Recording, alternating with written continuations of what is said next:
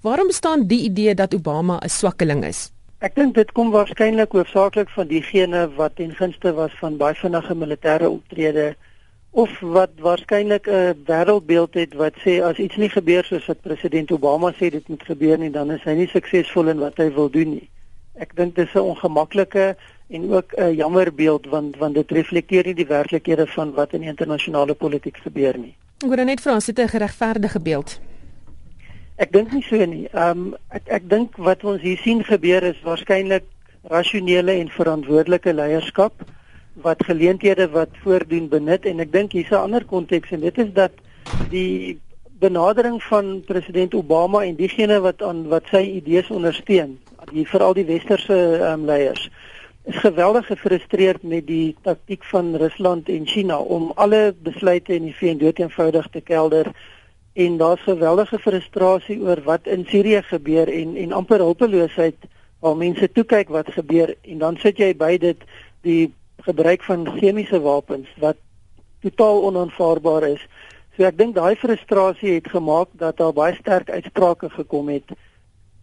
Die manier om dit te hanteer is egter iets anders en hier's nou 'n geleentheid en dit word aangegryp. So ek dink glad nie dit simboliseer swak leierskap nie. Ehm um, trouwens ek dink dit simboliseer waarskynlik verantwoordelike leierskap en sterk leierskap wat kan aanpas by veranderende omstandighede en ander geleentheid. Watter rol speel die feit dat Obama homself die jaar beperk het toe hy gesê het chemiese wapens sal vir hom genoeg rede wees om die rooi streep te trek? Weereens, ek dink dit was nodig om aan te dui hoe erns en hoe ernstig gelig die gebruik van chemiese wapens ehm um, sou wees. Dit is onwettig om dit te gebruik. Dit is 'n hoogs problematiese wapen omdat dit eintlik onbeheerbaar is as die oomblik as dit gebruik is. So Ek dink dit was waarskynlik vanuit sy perspektief nodig om so sterk standpunt aan te dui ook vir die bondgenote van Sirië want want Sirië het 'n beskerming wat buite verhouding is met wat besig is om in Sirië te gebeur. Hmm. En goed, gaan 'n mens nou omdraai en sê omdat jy nou nie doen wat jy 'n jaar terug gesê het nie. Ek dink nie die FSA het niks gedoen nie. Die FSA en sy bondgenote het onmiddellik baie sterk gereageer. Maar sterk reaksie is ook nie noodwendig onmiddellike optrede nie en onmiddellik skiet jy nie en dis vir my een van die belangrike ehm um, aspekte.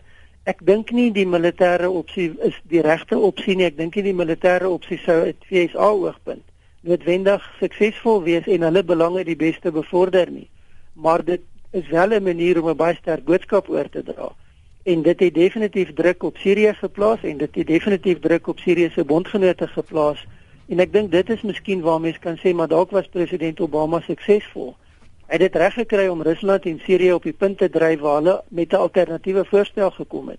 Iets wat glad nie tot dusver gebeur het nie. Hulle het net alles geblok. So die dreigement van militêre optrede was 'n wesenlike dreigement in die sin dat hulle dit ernstig opgeneem het want die VS het dit in die verlede al gedoen en hulle het daarmee gehandel en met 'n baie aanvaarbare alternatiewe voorstel gekom wat ten minste aspekte van die Siriëse krisis nou vir onderhandeling en beheer op die tafel sit. Dit het nie tot nou toe 'n moontlikheid gewees nie. Kyk, die feit dat Sirië ewe skielik erken dat hulle oor chemiese wapens beskik, behoort dan nou eintlik um, aan uh, jy weet in Obama se gunste tel.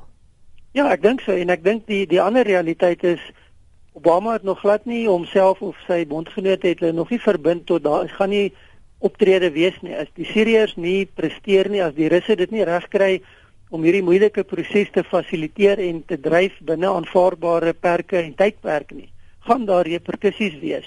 So die druk gaan volgehou word. En weer eens, ek dink as hulle gedink het Obama is 'n swak leier en is nie in staat om iets te doen nie, sou hulle nie op hierdie manier gereageer het nie. So ek dink dis dis 'n ongelukkige beeld wat geskep word en dis een wat weer eens risiko skep, want as die mense begin handel met daai beeld, gaan hulle waarskynlik redelike ontnigtering kry want dit is nie wat gaan gebeur nie dis nie hoe hy gaan optree nie Ja. Dan Rusland het die durf getoon in die leiding in die krisis geneem soos jy gesê het, maar watter ongemaklike verantwoordelikhede skep dit vir Putin? Wel, Putin moet nou eintlik sy beskerming van Sirië gaan uitbrei, want hy kan nie nou meer net en hy het besef om om in die VN Veiligheidsraad net eenvoudig resolusies te blokkeer is nie meer goed genoeg nie. Daar's nou 'n wesenlike bedreiging. Hy moes nou aksie neem, maar nou is hy die verantwoordelike rolspeler. En ek dink mense moet versigtig wees om te sê hy's nou noodwendig die leidende rolspeler. Hy het 'n geweldige verantwoordelikheid op hom geneem. Dit kan in sy guns stel dat hy die diplomatieke rol fasiliteer, dat hy sukses bereik daarmee. Maar as die Siriërs nie binne bepaalde um, tydperke en binne bepaalde riglyne gaan optree nie, gaan dit Rusland in 'n baie moeilike posisie plaas waar waarskynlik Rusland gaan moet instem tot besluite wat hy nie graag sou wou hê om teen sy bondgenote te laat neem nie. So dit is nie 'n maklike pad wat gekies is nie en dit is nie 'n outomatiese uiteinde van alles en die Russe stap hier weg en al die glorie nie. Ehm um, dit dis 'n moeilike proses wat hulle nou hanteer. Die die ander dimensie net die van onmiddellik natuurlik is ook deel van die pakket is verdere hantering van die krisis in Sirië. Want jy kan nie die chemiese wapens en beheer losmaak daarvan nie. Toegang tot gebiede wat in konflik onderhewig is, die sekuriteit van diegene wat betrokke gaan wees by verifisering en die uiteindelike beheer van hierdie wapens beteken daar moet ander rolspelers betrokke bly en om dit te kan kry moet jy die politieke proses en die politieke probleme hanteer. So die rol van Rusland brei eintlik uit, maar nie heeltemal binne die beheer van Putin nie. En ek dink dit maak dat dit 'n baie groot uitdaging is en 'n baie moeilike pad vir Putin om te loop.